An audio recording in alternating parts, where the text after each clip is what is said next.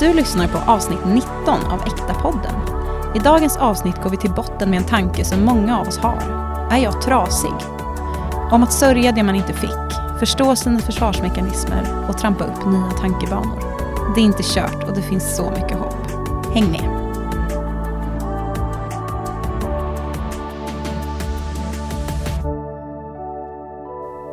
Alltså, jag pratar med mig själv ganska ofta. Ja.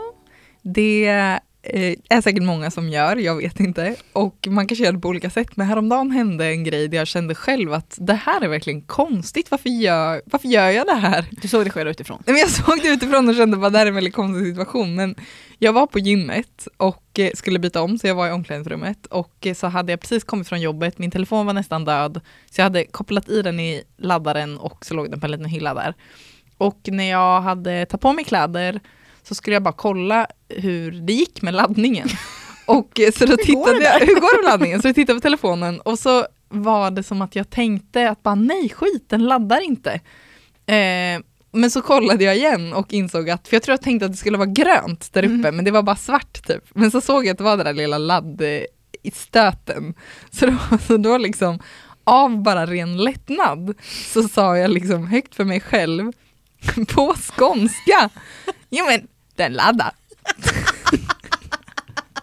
och sen, det tog inte slut där. Utan jag fortsatte ganska länge liksom på skånska. Jo men den laddar, den laddar. Telefonen ligger på laddning, den, den laddar där alltså det, det är jättebra, den ligger där och laddar. Alltså för, högt för mig själv i omklädningsrummet, det var bara jag där. Och jag kunde liksom inte riktigt sluta. Det är verkligen bara, nej nu har jag kört, nu måste jag bara gå all in. Jag vet, jag vet, jag vet liksom inte ens varför. Men eh, sen så till slut slutade jag och så tog jag telefonen lite i skam, för man känner ju själv att man är en konstig person. Och bara, tänk om någon skulle ha sett det här. Du liksom återfick din liksom sens, dina senses. Bara, eh, nej, så att eh, det, var, det. det var inget. Ja, nej men eh, så att, ja, den laddar i alla fall lite. Så nu kan jag lyssna på min podd. Åh, det är alltså de där karaktärerna, du och jag går ändå in i karaktär ganska ofta. Verkligen, vi är snabba att haka på Vi är karaktären. riktigt snabba att haka på varandra. Och det, det behöver inte, eh, det kan ske eh, ordlöst, liksom. alltså man vet bara nu är vi en karaktär. Och det är ändå väldigt mycket så när vi planerar den här podden, så är det liksom ena stunden så bara, ja men hur var det där med sårbarhet och ja men man måste ju liksom leda i sårbarhet och, och andra stunden så är det liksom, ja det laddar, det laddar. Ja, men det, alltså, idag kom jag hit till eh, poddinspelningen med ändå en ganska låg känsla i kroppen och nu, vi har ändå skrattat otroligt mycket och alltså, Ja. jag vet att det här är klyschigt, men det är som en medicin Mm. med skratt. Skratt förlänger livet. Förlänger verkligen livet.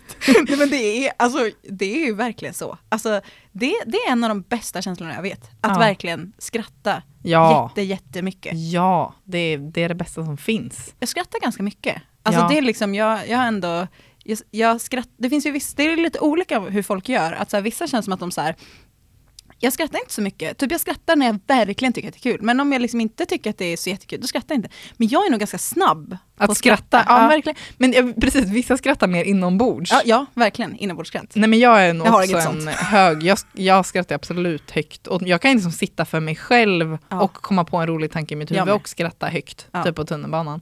Det är bra. Så tips, skratta. Skratta så lever ni längre.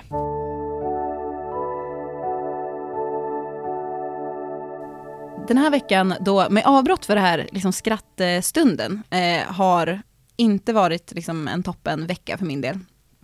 Det känns som att alla, ibland kan man ju känna att man liksom, eh, man har koll på sig själv på något sätt. Att man liksom vet, ja men jag, jag vet eh, mina mönster och jag kan liksom eh, på något sätt jobba med dem och att man är lite mer, man är liksom lite i kontroll på något sätt.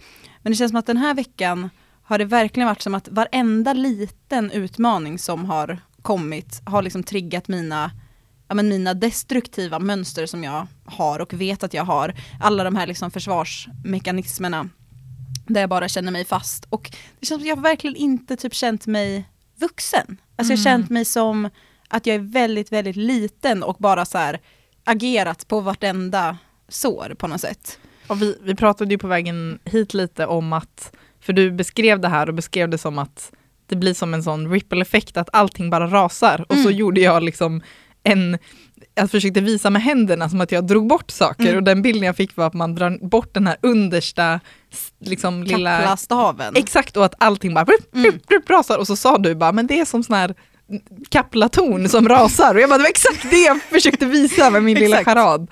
Det, men det är verkligen så det har känts, som att så här, det bara rämnar typ runt omkring mig. Och det kan vara, alltså det, att det verkligen är små saker som gör att det känns som att det rämnar eller som det känns som att jag inte håller i det. Och en, ett exempel var bara att jag, jag ska, eller skulle ringa ett samtal eh, i mitt jobb och jag skulle ställa en fråga om liksom ett uppdrag till en person och jag känner inte den här personen. Och jag har verkligen våndats orimligt mycket för det här samtalet. Alltså, jag har bara dragit mig så otroligt mycket för att ringa. Och jag har alltid tyckt att det är jobbigt att ringa. Men nu är det så här, ja, jag har inte ännu ringt henne. Eh, jag har liksom inte klarat av det. Och man kan tycka, bara, men du är vuxen och det är bara telefonsamtal. Men liksom den här, jag tror den djupa rädslan som jag alltid har känt kring just att ringa samtal är, jag tror i det här fallet så är det ju att bli avvisad tror jag, alltså att hon, att hon kanske skulle ge ett nej, alltså ge ett dåligt besked liksom. Ehm, och jag, jag är nog också rädd att bli missförstådd, alltså att hon, att hon inte förstår vem jag är, för att vi inte ser varandra och vi känner inte varandra. Så att jag är rädd att hon ska eh, missförstå mig, mina intentioner och att jag tycker att det är obehagligt att jag inte ser henne så jag kan inte läsa av henne och vara så här, vad betyder, vad behöver du bete mig så som jag tänker att, att hon vill att jag ska vara? För jag har ju liksom alltid hämtat bekräftelse på det sättet. Eh, I att försöka förstå hur jag ska vara för att folk ska vilja ha mig på något sätt. Så allt det här har gjort att jag bara har stoppat huvudet i sanden. Så det har varit segt. Ja, jobbigt. Det är så sjukt jobbigt när man känner sådär. Och man kan förstå, det är nästan ännu värre när man kan förstå i sitt huvud vad som händer. Fast Man känslan är ändå den den är, man är Mm. fast i det. Hur har du haft det den här veckan? Men jag har också haft en ganska jobbig vecka. Eh, dels har jag varit sjuk eh, och det är alltid Det är alltid en trigger. det är alltid en trigger. Det är så sjukt maktlös känsla att vara sjuk. Det är den yttersta formen av liksom, maktlöshet över någonting för att det är ens kropp som inte gör som man vill.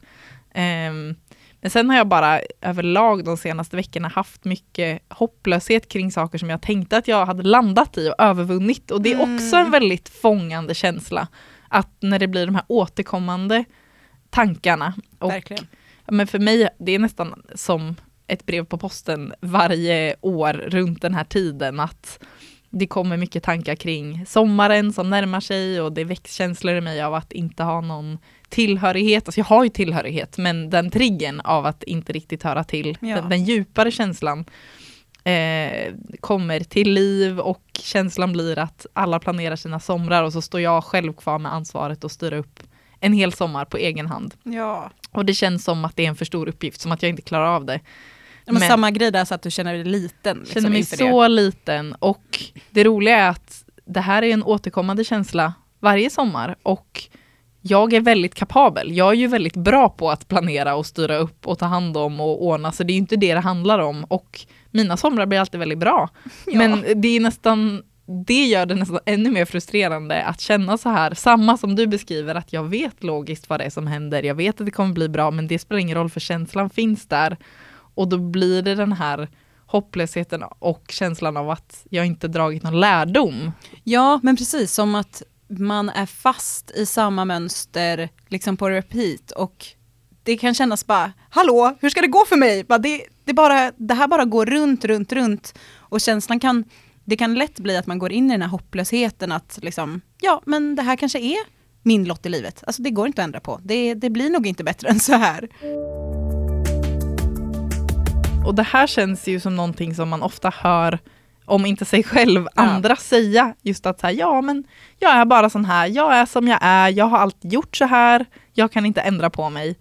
Ehm, och det, det kan ju låta bra vid första anblick, för det skulle kunna låta lite som att, ja men jag har landat i mig själv. Jag har liksom accepterat. Ja, exakt, att det är så här. Ehm, men vi tänker ju att det grundar sig i någonting annat, eller hur? Ja, precis. Det kan låta som att så här, men hon, hon vet vem hon är.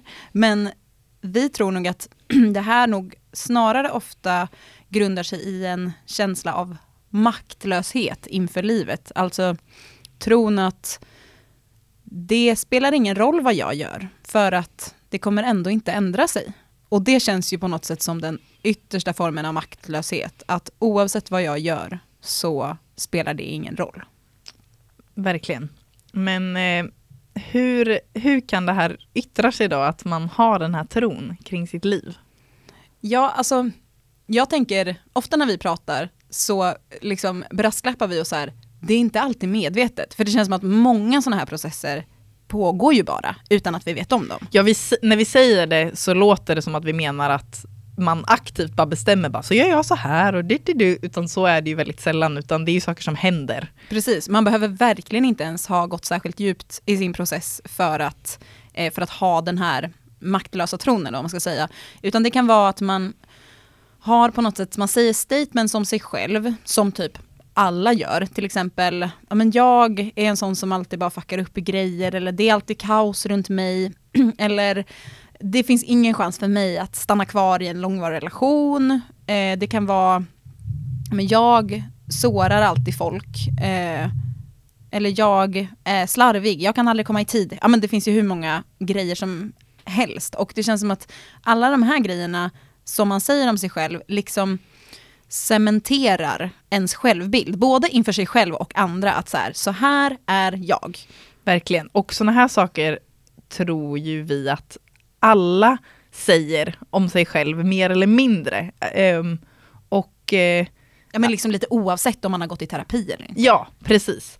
Uh, men även när man går i terapi så kan man ju känna den här känslan av maktlöshet. Att bara för att man får syn på mönster så försvinner inte den känslan. Tyvärr. För att man tittar tillbaka på sitt liv och så börjar man se alla relationer och situationer i ens förflutna som har fuckats upp av ens destruktiva mönster. Och då kan det kännas väldigt hopplöst.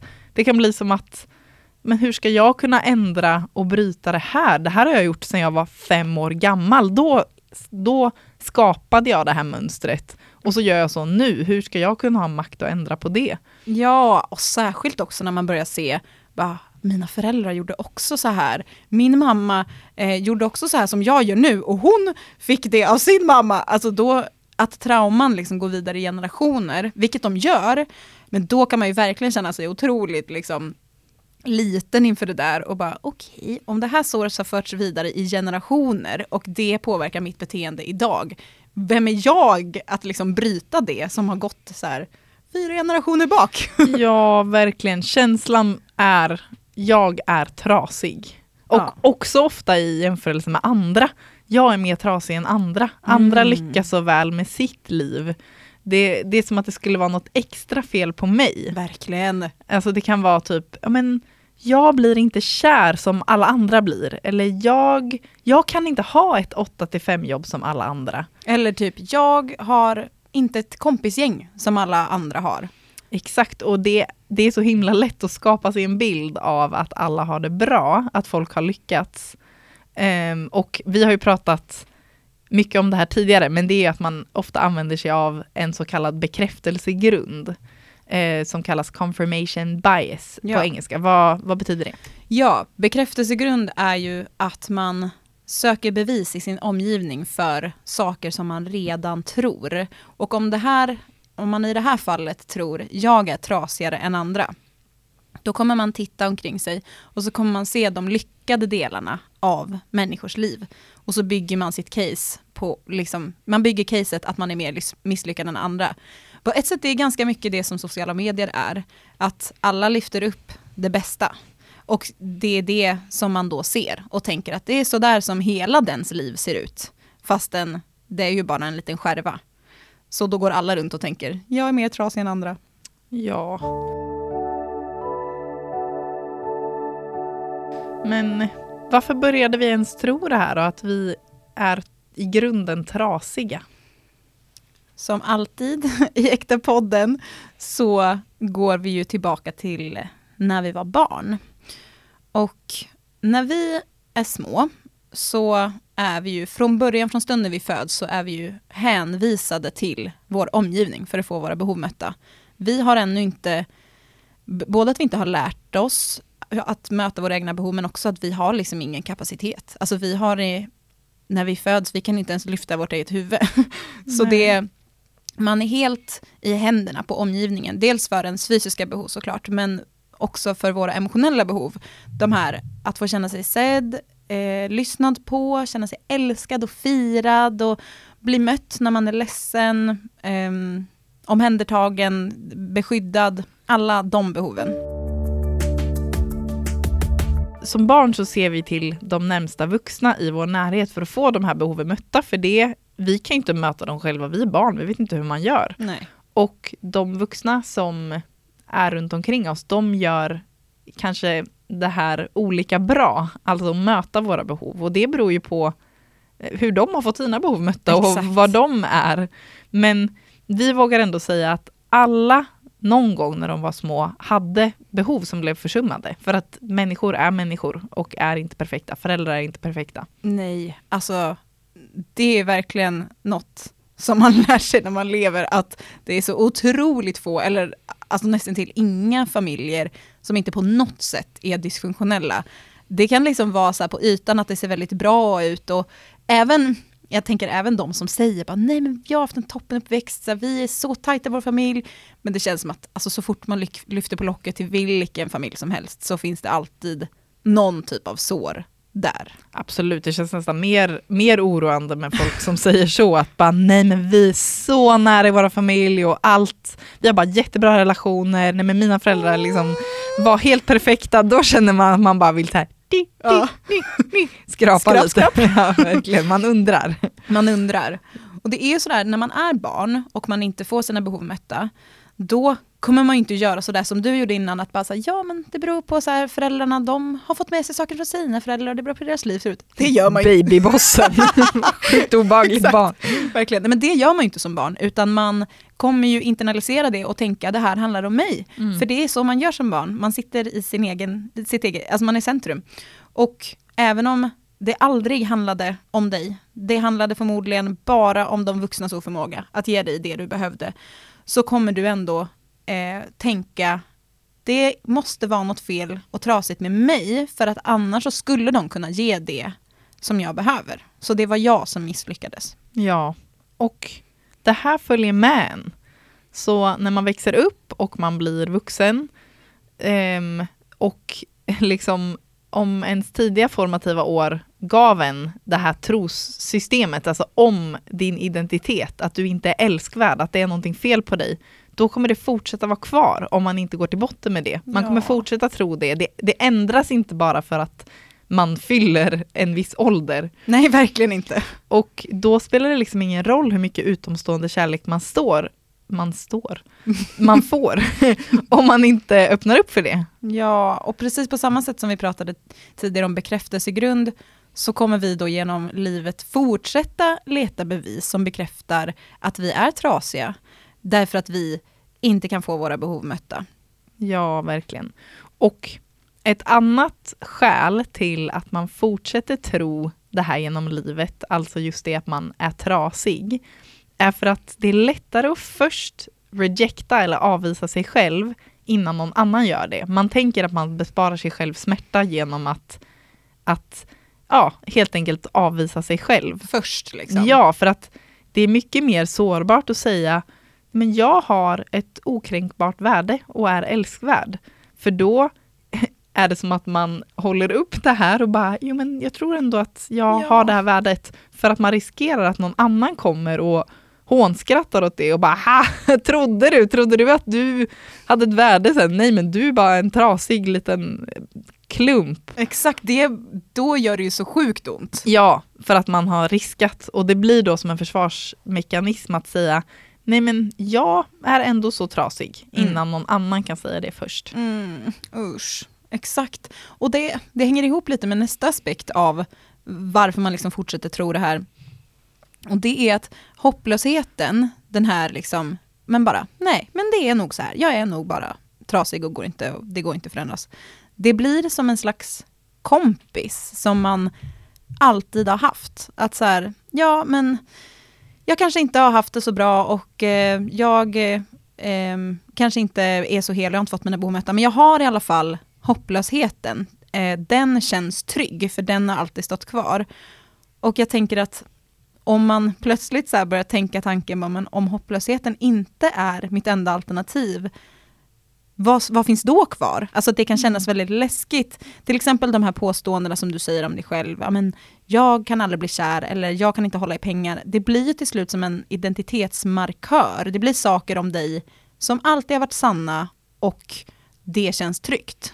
Ja, för att alla vill ju vara någon. Man, ja. Det är ju så vi funkar som människor, att man vill sätta in sig själv i en box, man vill klamra fast vid någon identitet om vem man är. Precis, så då om man inte då kan ha identiteten jag är hel, ja men då har jag i alla fall identiteten jag är trasig, ja men då har jag det i alla fall. Så det känns som, det är därför man fortsätter hålla kvar det här mindsetet. Men okej, okay. om man tittar på det här då och man använder det här som något slags sätt att skydda sig och att det inte ska göra så ont. Varför är det egentligen så dåligt att tro att man är trasig? Varför hjälper den inte? För det låter ju som att det kanske hjälper en lite. Ja. Att, som att man har ändå lite självinsikt att bara, ja men du är lite trasig och det är okej. Ja, men det är sant. Men det som blir dumt är att det här blir en självuppfyllande profetia. Det blir som att det blir rundgång. Alltså att första steget att förändra någonting, oavsett vad det är, är ju att faktiskt tro att någonting kan förändras.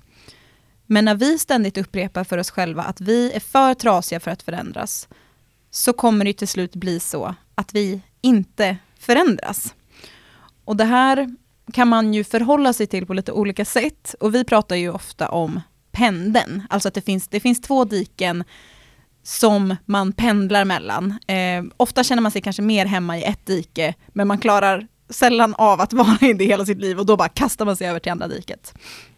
Och vad har vi för diken gällande, gällande det här? Ja men i det här fallet så är dikena prestation och likgiltighet. Alltså prestationsdiket är, men jag bär allt på mina axlar. Jag kämpar hårt för att hålla de här dåliga beteendena borta. Alltså på något sätt kriga för att motbevisa att man är trasig. Om jag bara gör allting rätt så kommer jag nog kunna mota bort sanningen om att jag annars skulle vara förlorad och trasig. Just det. Men att, varför är det dåligt då? Jo men för att man presterar inte från liksom en känsla av frihet, utan man presterar ifrån att eh, ja, men för att så här, stävja verkligheten. Att verkligheten mm. är att du är trasig och fel och jag ska försöka, jag vet innerst inne att det är sant, men jag ska försöka bevisa att det inte är sant. Ja, precis. Så det är inte så här, ja men jag vet att jag är hela bra och jag kan göra bra saker. Nej, exakt. Utan snarare liksom, snälla säg att jag inte är så trasig. Ja, det är någon slags sån eh, smärtsam strävan i det. Och det gör ju att till slut så blir man så trött, för det räcker inte. Det känns som att allting går ändå bara sönder trots alla ens efforts.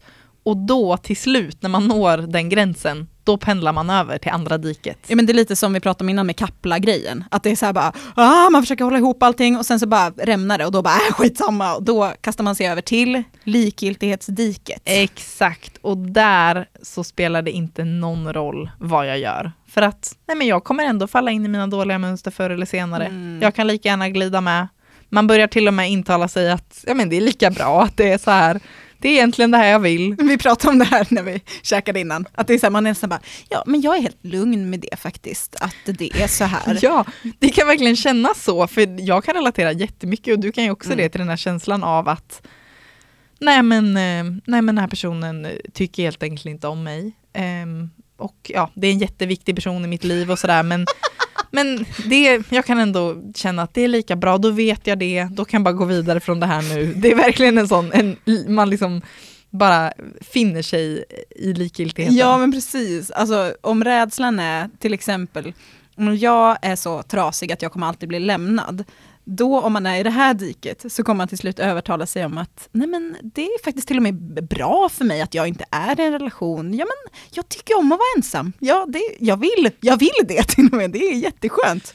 Ja. Och det, det är både så här, alltså i båda de här dikena så utgår man ifrån att det är någonting liksom som är någonting default i en som är fel. Och oavsett om man försöker jättemycket i prestationsdiket eller hamnar i lik likgiltighetsdiket så kommer man inte förändras i grunden för man kommer bara kastas mellan de här två. Det här låter ju väldigt hopplöst. Mm. Som, finns det ingen väg ut? Hur kan man se på det här med en annan blick? Hur kan vi ta oss ur det här mindsetet att vi är helt trasiga? Ja, vi kommer tillbaka då till att möta sig själv som liten, för det var ju där som det här trosystemet en gång formades. För det är så otroligt lätt att tänka att de här statementsen som man säger om sig själv, att det handlar om nuet. Alltså, men jag är inte, jag kan inte hålla ordning i hemmet, jag kan inte ta hand om mig själv. Man tänker att det handlar om nu, men vi vill hävda att det är en triggad känsla, det vill säga det utgår från ett sår som vi fick som barn. Så vi börjar där, nämligen i vikten av att sörja det som man inte fick som barn.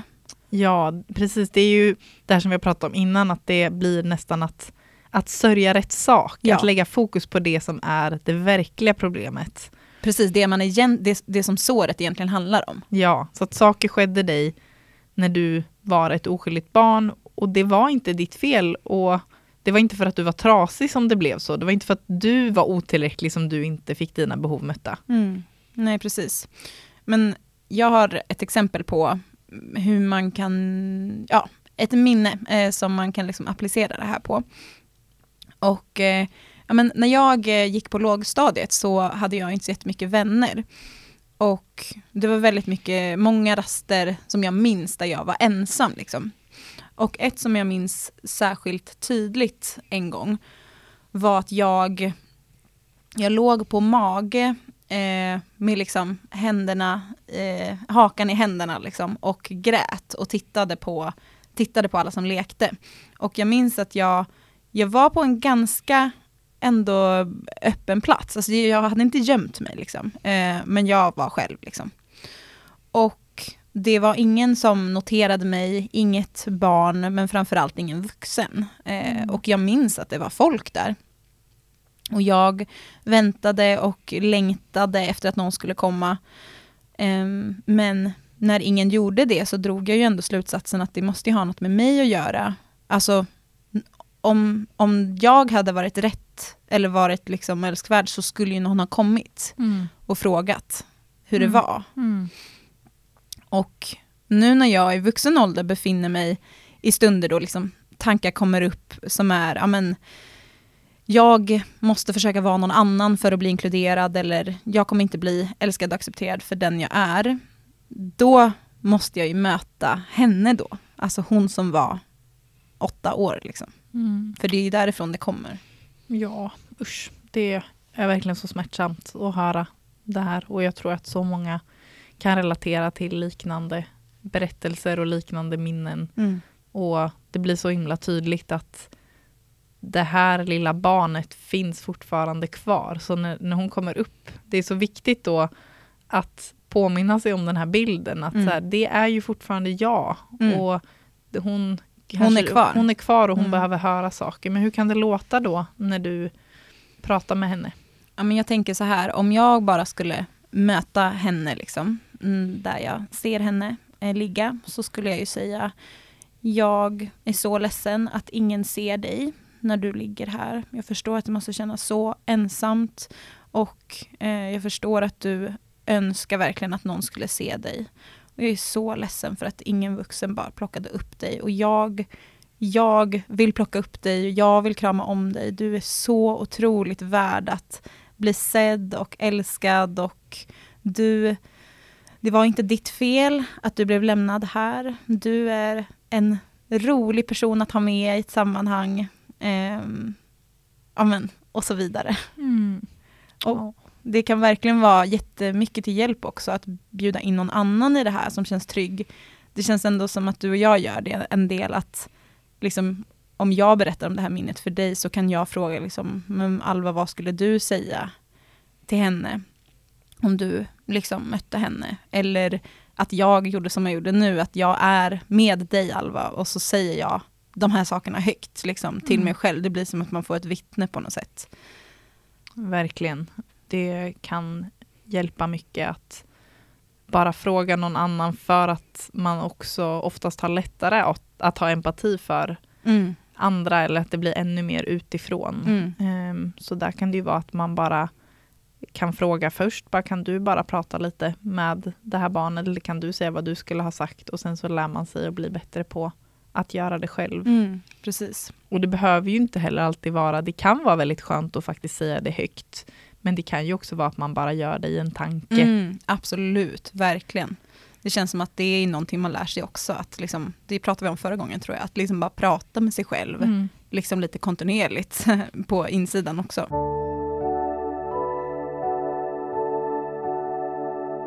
Men varför, varför ska man sörja? Varför behöver vi göra det här? Ja, vi tror så här att man kan bara känna sina känslor, så man kan bara känna till exempel glädje så djupt som man har känt sorg. Mm. Alltså, man kan se det som att när man stänger av jobbiga känslor, alltså de känslorna där det finns smärta och där det finns sorg, det är som att eh, ja, men, när man behandlar cancer och använder cellgifter, då så skjuter man in de här cellgifterna och så dör massa celler. Och då för att man ska kunna döda de dåliga, elakartade, eh, liksom, ja, sjuka. De sjuka cellerna, mm. precis. Eh, ja, inte elakartade, de sjuka cellerna. Mm. Så måste man också döda massa bra celler. Eh, för att ja, det hänger med, de är där tillsammans. Mm. Och det är lite så det funkar inom oss, att när man då stänger av det här jobbiga, då måste man också stänga av det som är bra. Mm. Eh, för att de finns, de går hand i hand, de finns på samma plats. Och ehm, ja, så att om vi liksom trycker ner och förnekar det som är svårt i livet, då kanske vi kommer känna lite mindre av de jobbiga känslorna. Men vi kommer också känna mindre av de lyckliga känslorna. Mm. Och det är verkligen som att man lägger som en sordin, alltså att man liksom lägger, det blir liksom ett lock på allt. Liksom. Eh, man, kan inte, det blir som, man kan inte släppa igenom de känslorna man vill och trycka ner andra, utan det blir liksom över hela på något sätt. Verkligen så, man kan inte sålla. Nej. Och det, det tror jag ändå många som har haft sådär en riktigt liksom good cry, alltså när man verkligen gråter och verkligen kommer åt någonting på riktigt och bara känner nu känner jag sorg över det här. Man känner sig väldigt lätt och fri mm. efteråt. Man, det är som att man fysiskt nästan känner att det har öppnats upp plats inom en ja. där det får komma ner liksom bubbliga känslor. Man kan alltså, det skrattet och den bubbligheten och den glädjen som kan komma efter som riktigt djup sorg, det är svårt att jämföra med någonting annat. Ja men det är som du säger, att det är som att man lämnar plats. Mm. Alltså man måste liksom på något sätt plocka ur för att kunna fylla på på något sätt. Ja, verkligen. Och jag, vet, jag brukar tänka ibland, bara när jag tänker på att livet är jobbigt och att man kämpar på och, eh, och sådär, försöker ta sig framåt, på äldre människor som man träffar ibland, som är sådär riktigt bara empatiska och varma och öppna och man känner sig trygg runt, man känner sig dragen till. Och man kan känna att du har verkligen levt ett liv. Mm. Du har levt ett tufft liv, det har inte varit lätt. Du har haft dina kamper och, och fightats dina fighter. Men du har levt igenom det. Och det ger den här liksom värmen på något sätt som ett slags resultat, eller vad man ska säga. Och det emotionella djupet, det är ju som att man är en plats dit folk kan komma och, och känna att här får man vara, här mm. finns tillåtelse. Bra. Och, och, en sån plats vill man ju vara. Mm, verkligen. Och jag tycker att det är så mycket lättare att um, få motivation till att ta tag i det här jobbiga och titta på det jobbiga när jag tänker på det. Tänker på vem, vem vill jag vara? Ja, det är verkligen väldigt bra för att det är ju, vi vill ju ta oss vidare, vi vill ju ta oss framåt. Och det tänker jag är så otroligt mycket lättare att göra när man har vågat titta på vart man har varit. Alltså att när man förstår sig själv, förstår varför man har blivit den man är och har format den, då är det så sjukt mycket lättare att liksom gå framåt. Jag hade en eh, situation ganska nyligen eh, i terapi med eh, min terapeut. Och då, för jag har haft ganska mycket ångest i livet eh, som jag, jag tror att när jag började förstå när jag var lite äldre vad ångest ens var, då kunde jag lokalisera att så, aha, så här har jag känt typ hela mitt liv. Jag kunde, jag kunde känna igen känslan att ja, men när jag var 10 eller när jag var 12, då kände jag så här. Och för mig är det ofta en känsla av att jag försvinner från min kropp.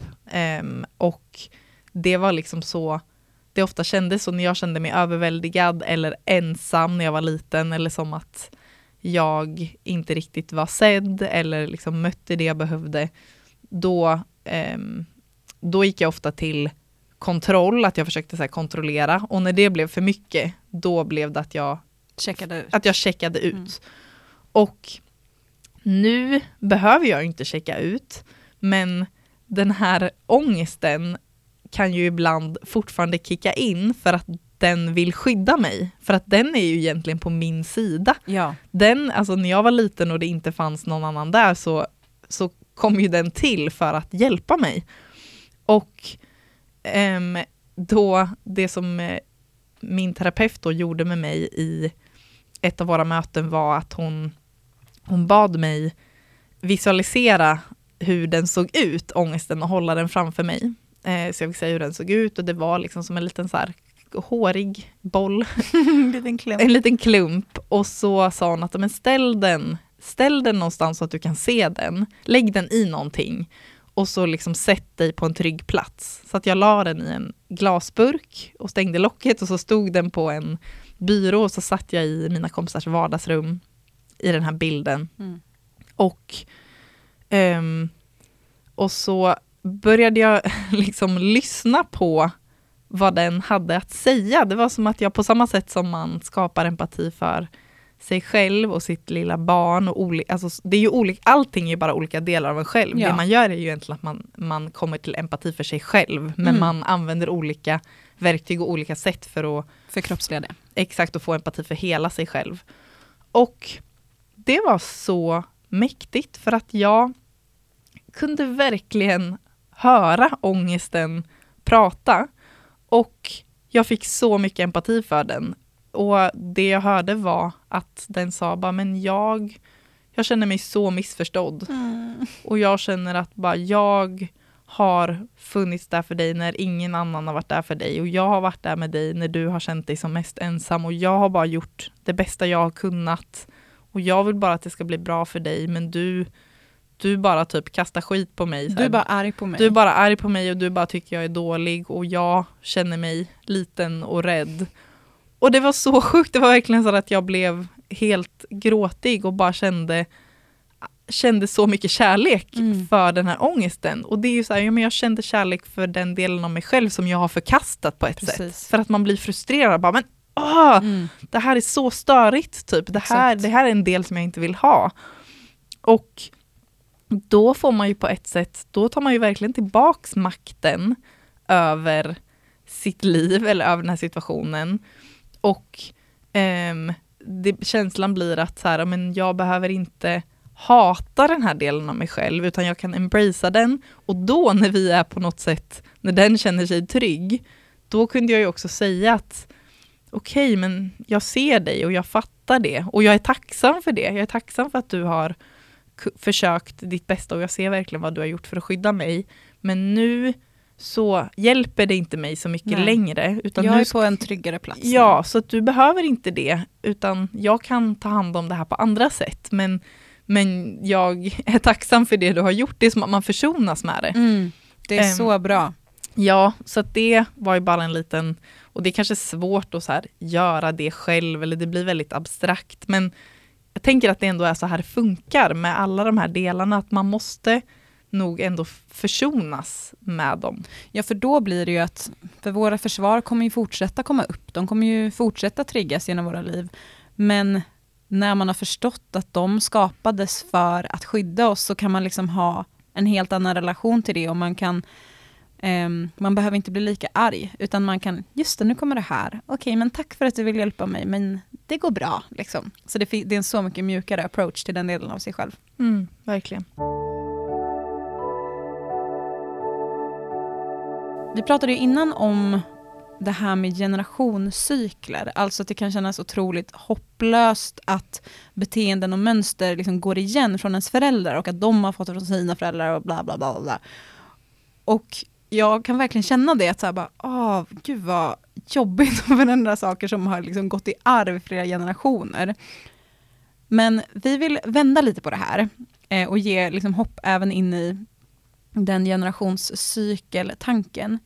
För en sak som vi har hört, som verkligen har fastnat hos mig, är om vi har kapaciteten att förstöra våra liv, då har vi också kapaciteten att bygga upp dem. Om vi tar liksom Kapla analogin som blev idag. Att liksom om vi kan riva ner ett torn så har vi också möjlighet att bygga upp det. Och om vi har liksom kapaciteten att välja en viss riktning så bör vi också ha kapaciteten att faktiskt kunna byta riktning.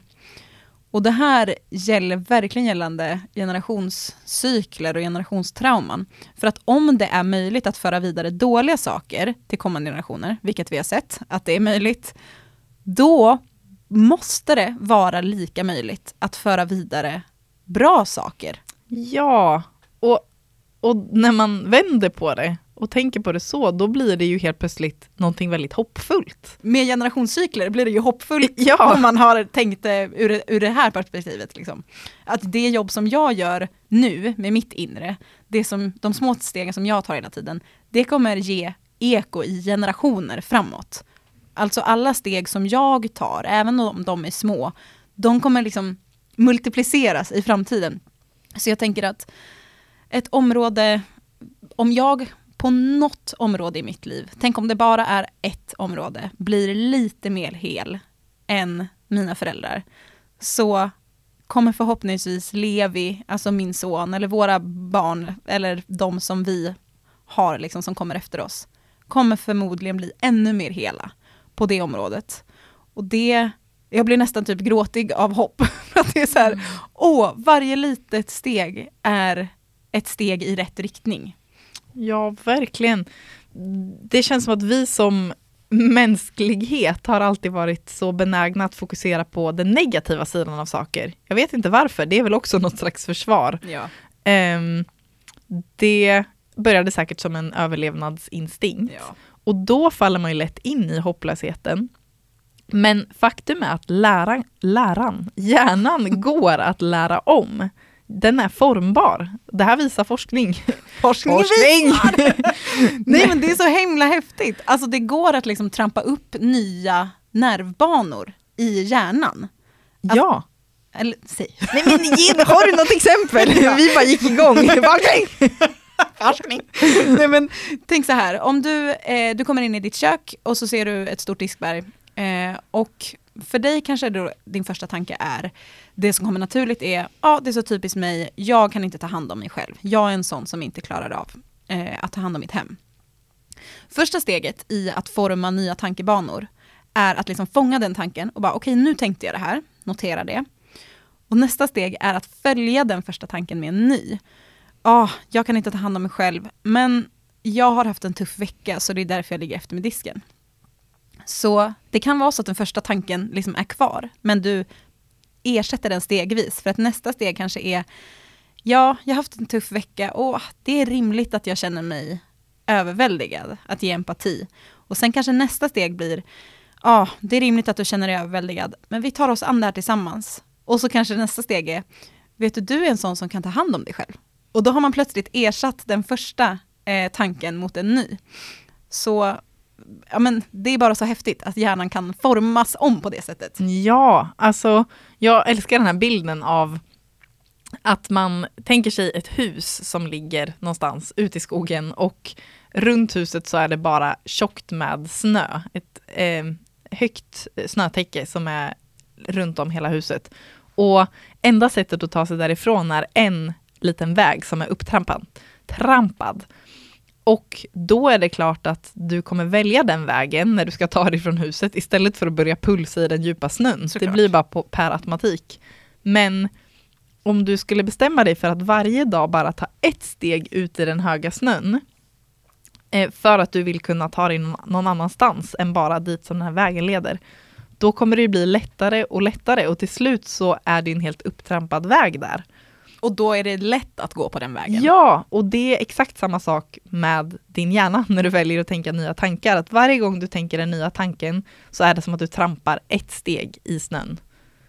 Det är, jag vet inte, det är väldigt bara tydligt och konkret. Verkligen. Okej, nu kanske det är någon som lyssnar på det här avsnittet och vi har pratat mycket om det här med att förändra och sådär. Och du kanske tänker, ja jag vet, jag ska förändra mig, jag är dålig. Alltså den här lite piska sig till förändring känslan. Och om det är så att du har hört det idag så vill vi bara här säga att det är verkligen inte det vi säger. Det handlar inte om att eh, vi ska förändra oss för att vi är dåliga, utan det är ju precis, precis tvärtom. Ja, målet är ju att hitta tillbaks till den man verkligen är. Mm. Att hitta kärnan av sig själv som alltid funnits där och som inte är trasig eller fördärvad. Ja, det blir ju, om man tänker på sig själv som barn, när man var på något sätt i sin renaste form, man bara var, man skämdes inte, man bad inte om ursäkt. Det handlar liksom om att hitta tillbaka till den personen, inte att förändra den man är för att man är dålig. Ja, verkligen. Och om, när vi ändå känner att vi faller in i våra gamla mönster och känner oss fångade i de här beteendena. För det kommer vi göra. Ja, då kan vi trösta oss med att vi sitter alla i samma båt och vi är inte ensamma. Alla kämpar och alla har sina issues. Och det är inte för att vi är dåliga eller djupast sett är trasiga, men för att det är jobbigt att leva. Det gör ont att leva. Det känns som att du och jag i våra sms-konversationer senaste veckan bara, det är jobbigt att leva. Ja. Det är jobbigt att leva. Bara, jag vill bara gräva ner mig i en grop och ja. sluta leva. Inte för att jag inte vill leva, men för att det kan kännas så. Och vi vill nog bara skicka med att det är väldigt naturligt. väldigt naturligt. det är normalt. Nej, men det är otroligt tufft, men det är också otroligt vackert att leva. Eh, och vi kommer framåt hela tiden. Jag är så himla övertygad om det. Det kan kännas, jag tog den här bilden förra veckan tror jag, men, eller förra gången, men det kan kännas som att man bara går runt, runt och bara är fast i samma grejer hela tiden. Men det är egentligen en spiral. Alltså, det kan se ut som att man kommer tillbaka till samma ställe, fast man går egentligen uppåt hela tiden. Man tar sig någonstans. Och det är väldigt, väldigt hoppfullt. Ja, det finns så mycket hopp och du är inte trasig. Vi säger så. Det gör vi. Hej då. Hej då.